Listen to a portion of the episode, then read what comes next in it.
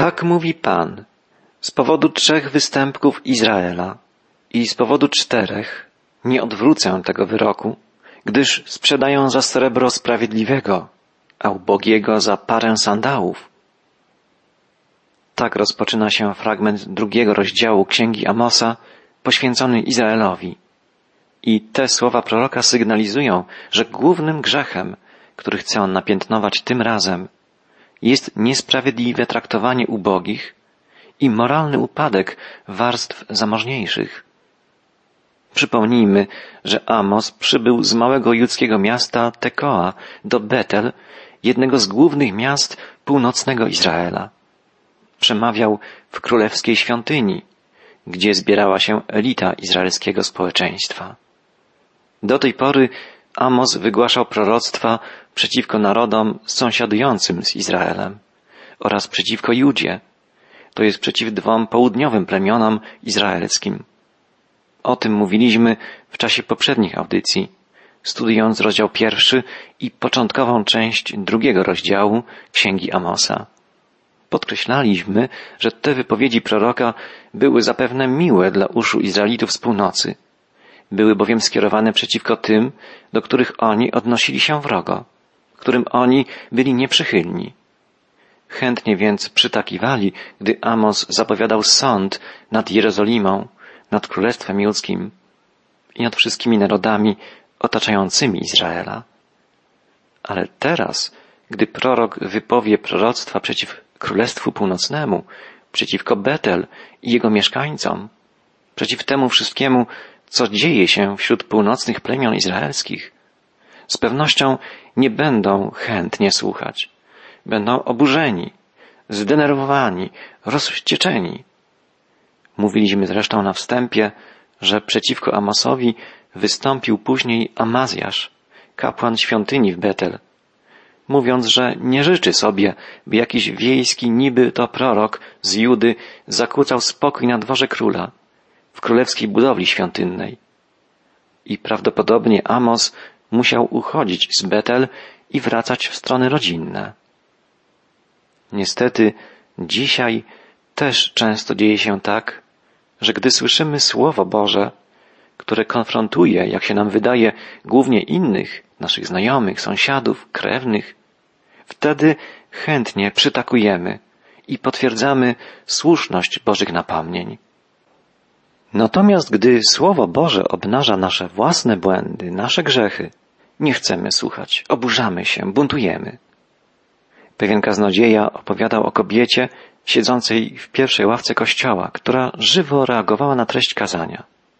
Gdy padały słowa piętnujące pijaństwo, nikotynizm, cudzołóstwo, głośno przytakiwała, podkreślając, że zgadza się w pełni z napomnieniami kaznodziei. Nagle jednak, gdy padły słowa o grzechu plotkowania, znieruchomiała, a potem szepnęła do osoby siedzącej obok. O czym on mówi? Do tej pory szło mu świetnie, a teraz zaczyna ględzić. W taki sposób zaczyna teraz ględzić prorok Amos. Zwraca się wprost do słuchających go ludzi. Mówi bez ogródek o ich grzechu, o ich niemoralności, nieprawości. Amos nie czyni tego w swoim imieniu, ale w imieniu Pana. Prorok podkreśla, tak mówi Pan i zaczyna wymieniać konkretne grzechy Izraelitów. Sprzedają za srebro sprawiedliwego, a ubogiego za parę sandałów. Amos piętnuje niesprawiedliwość społeczną, złe traktowanie ubogich i będzie to czynił jeszcze wielokrotnie. Na przykład w czwartym rozdziale Księgi Amosa czytamy Słuchajcie słowa tego krowy Baszanu, które mieszkacie na górach Samarii uciskacie biednych, gnębicie ubogich. Mówicie do mężów swoich, przynieś, a będziemy pili. Amos piętnuje uciskanie biednych, wykorzystywanie ich, gnębienie oraz wystawny, hulaszczy tryb życia, pijaństwo, obżarstwo bogaczy. Bogacz nie zrozumie biednego. Ta prawda także dzisiaj jest w pełni widoczna. I wydaje się, że uciskanie biednych brak szacunku względem nich, wykorzystywanie ich sytuacji zostanie ukrócone tak naprawdę dopiero wtedy, gdy na ziemię przyjdzie ponownie Chrystus i zaprowadzi tu swoje rządy. Rozprawi się z wszelką niesprawiedliwością. Dalej w piątym rozdziale Księgi Amosa czytamy Nienawidzą dowodzącego słuszności, nie cierpią tego, który mówi prawdę, depczą biednego i biorą od niego daniny w zbożu. Owe daniny w zbożu to inaczej łapówki. Tak dzisiaj je nazywamy. Bogacze wykorzystywali ubogich, obiecując im poprawę sytuacji i przyjmowali łapówki. A wszystko to było popełniane z wyrachowania, z chciwości. Bóg wiele razy piętnował takie postępowanie. Już w pięcioksięgu mojżeszowym czytamy nie będziesz naginał prawa, nie będziesz stronniczy i podarku nie przyjmiesz, gdyż podarek zaślepia oczy i w złą stronę kieruje słowa. Podarki, łapówki, przekupstwo, korupcja to także dzisiaj wielka plaga, która deprawuje, demoralizuje całe społeczeństwo. Dalej czytamy w siódmym wierszu drugiego rozdziału Księgi Amosa. W prochu ziemi depcą głowy biednych i ubogich kierują na bezdroża. Ojciec i syn chodzą do tej samej dziewczyny, aby znieważać święte imię moje. Depcą głowy biednych w prochu ziemi. To znaczy gardzą ubogimi, poniżają ich, traktują ich lekceważąco, opryskliwie. Kierują ubogich na bezdroża. To znaczy, zamiast pomagać im, pomagać w przezwyciężaniu ich trudnego położenia, jeszcze pogarszają ich sytuację, wykorzystują ich, zwodzą, mamią pustymi obietnicami poprawy. To także nie są praktyki dawno już zarzucone, nieaktualne. Przeciwnie. Dzisiaj takie postępowanie czasem dokonuje się nawet w majestacie prawa, gdy z najuboższych warstw ściąga się nadmierne podatki, gdy obciąża się ubogich nadmiernymi opłatami. Także następny zarzut ojciec i syn chodzą do tej samej dziewczyny brzmi bardzo współcześnie. Tak zwana nowa moralność nie jest wcale taka nowa korzystanie z usług prostytutek jest dzisiaj równie popularne jak wtedy w północnym Królestwie Izraelskim. Wtedy prostytucja złączona była z kultami pogańskimi, z nierządem sakralnym. Dzisiaj prostytucja związana jest z przemysłem rozrywkowym. Ale istota tego procederu pozostała ta sama. Możemy sobie wyobrazić, jak niepopularny stał się Amos gdy wystąpił przeciwko niemoralności, korupcji, nieprawości, kiedy stanął po stronie ubogich i zaapelował o sprawiedliwość społeczną, o upamiętanie. Posłuchajmy następnych słów proroka. Na płaszczach zastawnych wylegują się przy każdym ołtarzu i wino wymuszone grzywną piją w domu swego Boga. Prorok zarzuca kapłanom w Betel, że wylegują się na płaszczach zastawnych. Zgodnie z prawem mojżeszowym, płaszcz dany w zastaw miał być oddany na noc dłużnikowi, żeby mógł się on nim przykryć. W księdze Eksodus, księdze wyjścia czytamy, jeżeli weźmiesz w zastaw płaszcz twego bliźniego, zwrócisz mu go przed zachodem słońca, bo jest to jego jedyne okrycie, okrycie jego ciała w czymże innym będzie spał? Ludzie ubodzy mieli w tamtych czasach jedną cieplejszą zwierzchnią szatę, którą okrywali się także w nocy. Amos zarzuca kapłanom królewskim w Betel, że nie oddają ubogim ludziom, którzy będąc w potrzebie dali swoje płaszcze w zastaw, nie oddają tych płaszczy z powrotem na noc, zgodnie z obowiązującym prawem ale sami wylegują się na nich przy ołtarzu i popijają wino wymuszone grzywną, a więc również pochodzące z wyzysku biedaków, którzy nie byli w stanie oddać na czas długów i zostali ukarani grzywną. A wszystko to to znaczy wylegiwanie się na płaszczach wziętych w zastaw i popijanie wina ufundowanego z kar pieniężnych, cały ten bezzecny proceder dokonywał się w świątyni, w cieniu ołtarzy. Oczywiście była to fałszywa świątynia, bo jedyną prawdziwą była ta w Jerozolimie, gdzie stał jedyny ołtarz, na którym powinny być składane ofiary Panu. Wszystko, co działo się w Betel, było niezgodne z Bożym prawem. Było parodią porządku, który Bóg objawił Mojżeszowi i Aaronowi. Za takie odstępstwo, za jawne nieposłuszeństwo, za niemoralność, bezprawie, Bóg wymierzy Izraelowi surową karę. Prorok Amos zapowiada, że naród izraelski zostanie usunięty z ziemi obiecanej. Bóg wprowadził Izraela do Kanaanu, ale z powodu odstępstwa Izraelitów zostaną oni stamtąd wydaleni.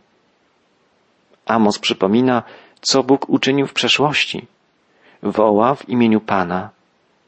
Ja to przed nimi zgładziłem Amorytów, którzy byli wysocy jak cedry, a mocni byli jak dęby i zniszczyłem owoc ich z góry, a z dołu korzenie. Dawni mieszkańcy Kanaanu zostali stamtąd usunięci za sprawą Pana. Byli to ludzie silni, mocni. Prorok przyrównuje ich do wysokich cedrów, do potężnych dębów. I tu uwidacznia się wiejskie pochodzenie proroka Amosa. Jak pamiętamy, pochodził on z małej miejscowości Tekoa w ziemi judzkiej. Amos mówi o zniszczeniu owocu Amorytów z góry i korzeni z dołu, czyli o całkowitej ich zagładzie. Dzisiaj nieznani są nam potomkowie Amorytów. Spełniła się zapowiedź Amosa i innych proroków. Musimy tu podkreślić, iż nie było to tak, że Bóg skazał Amorytów na zagładę. Czytamy w księdze Genezis, w księdze rodzaju, że Bóg powiedział do Abrahama, iż jego potomkowie będą przebywać w Egipcie przez 420 lat, aż dopełni się miara niegodziwości Amorytów. Amoryci mieli 420 lat, czyli ponad cztery stulecia na upamiętanie. Jednak nie nawrócili się do Boga, o którym wiele słyszeli. Amorytami byli mieszkańcy Jericha. Amorytką była nierządnica Rahab, która ukryła wysłańców izraelskich dlatego, że słyszała o Bogu, który czynił cuda w czasie wędrówki narodu wybranego przez pustynię. Ona i jej rodzina byli jedynymi spośród Amorytów, którzy ocaleli. Cały naród przeminął, a Rahab weszła do rodziny Bożej. Znajdujemy jej imię w genealogii Mesjasza, Chrystusa. Podobnie cały naród Moabitów znikł ze sceny historii. Mówiliśmy o tym w czasie poprzedniej audycji. Ale Moabitka Rut znalazła łaskę u Boga i jako prababka Dawida jest ważną postacią w linii rodowej Jezusa. Bóg nikogo nie przeznacza na zagładę. Każdy może doświadczyć Jego miłości. Każdy, kto zwróci się ku Niemu, kto odpowie wiarą i posłuszeństwem na Jego wezwanie. Prorok Amos woła dalej w imieniu Pana. Ja to wyprowadziłem was z Egiptu, wiodłem przez pustynię przez lat czterdzieści, byście posiedli ziemię Amorytów.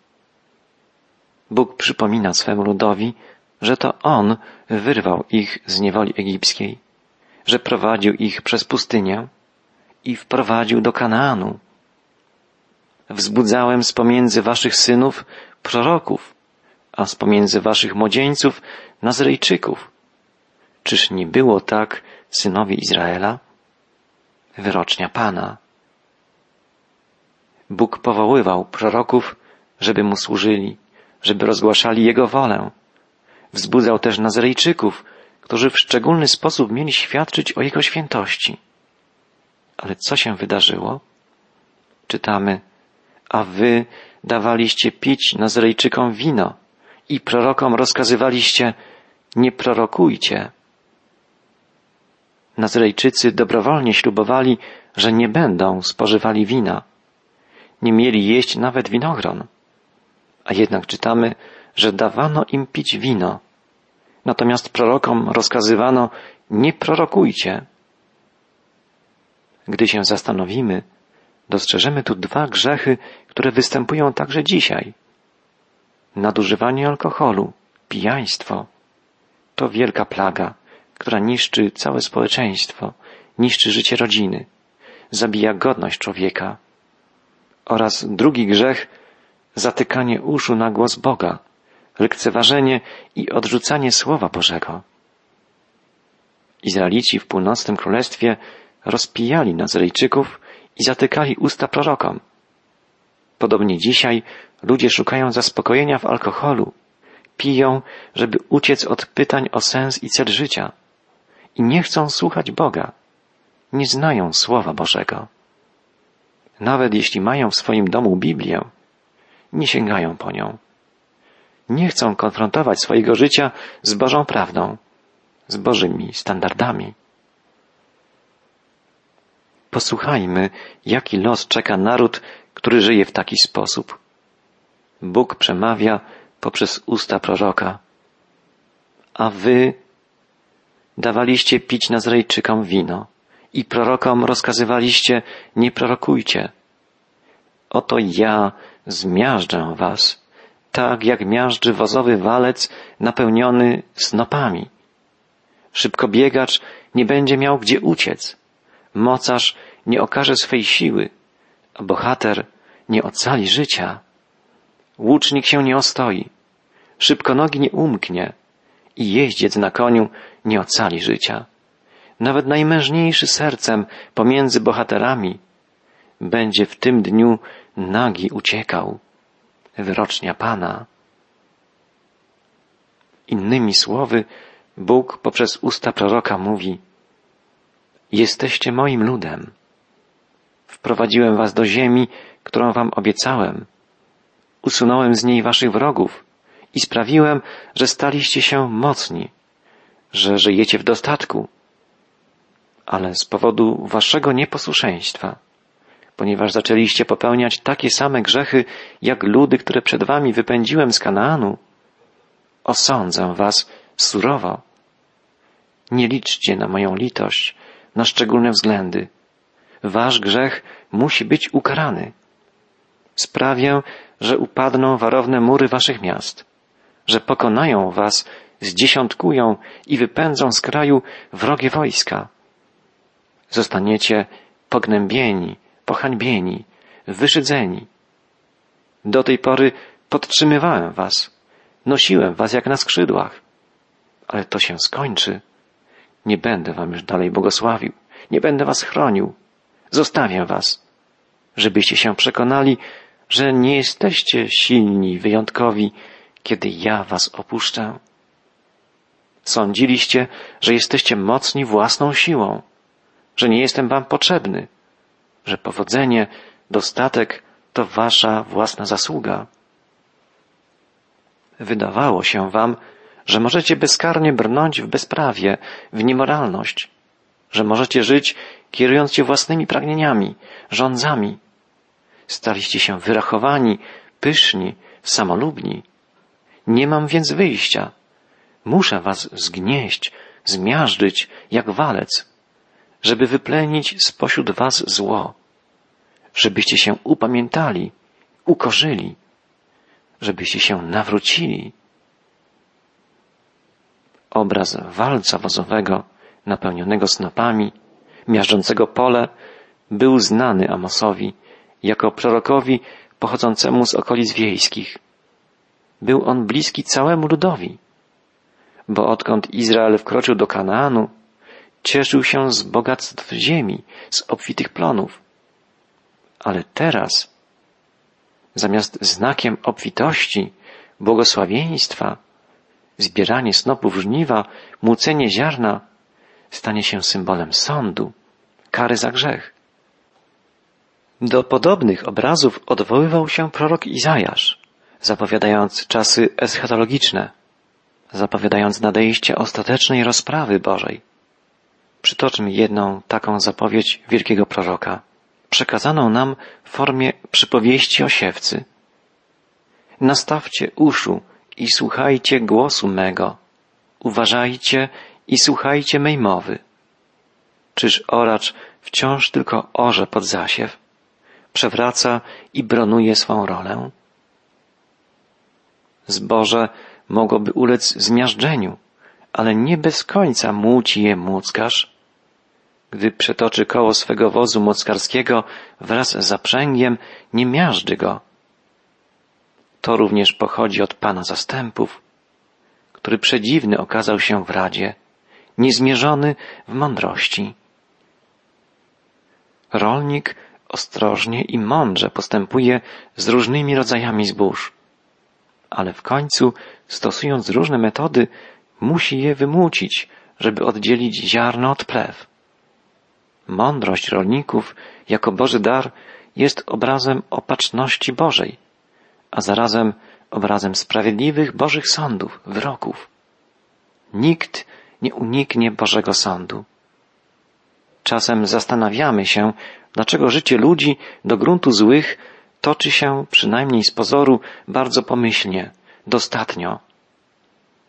Tak jest do czasu. Pan Jezus wyjaśnił, dlaczego tak się dzieje. Opowiedział przypowieść o pszenicy i konkolu. Niech rosną razem aż do żniw. Dopiero wtedy każecie żniwiarzom zebrać konkol, wiązki i spalić, a potem zwieść pszenicę do stodoły. Wyjaśniając tę przypowieść na prośbę uczniów, Jezus powiedział, tym, który sieje ziarno, jest Syn Człowieczy. Pole to świat. Czyste ziarno to ci, którzy służą Bogu, a konkol to ci, którzy są sługami zła. Wrogiem, który nasiał konkolu, jest diabeł. Żniwa oznaczają koniec świata, a żniwiarze aniołów. Przy końcu świata, podobnie jak przy żniwach, konkol będzie zebrany i spalony. Syn człowieczy wyśle aniołów, aby w jego królestwie zebrali wszystkich złych i tych, którzy dopuszczają się bezprawia. Wrzucę ich do rozpalanego pieca, gdzie będzie słychać płacz i zgrzytanie zębów.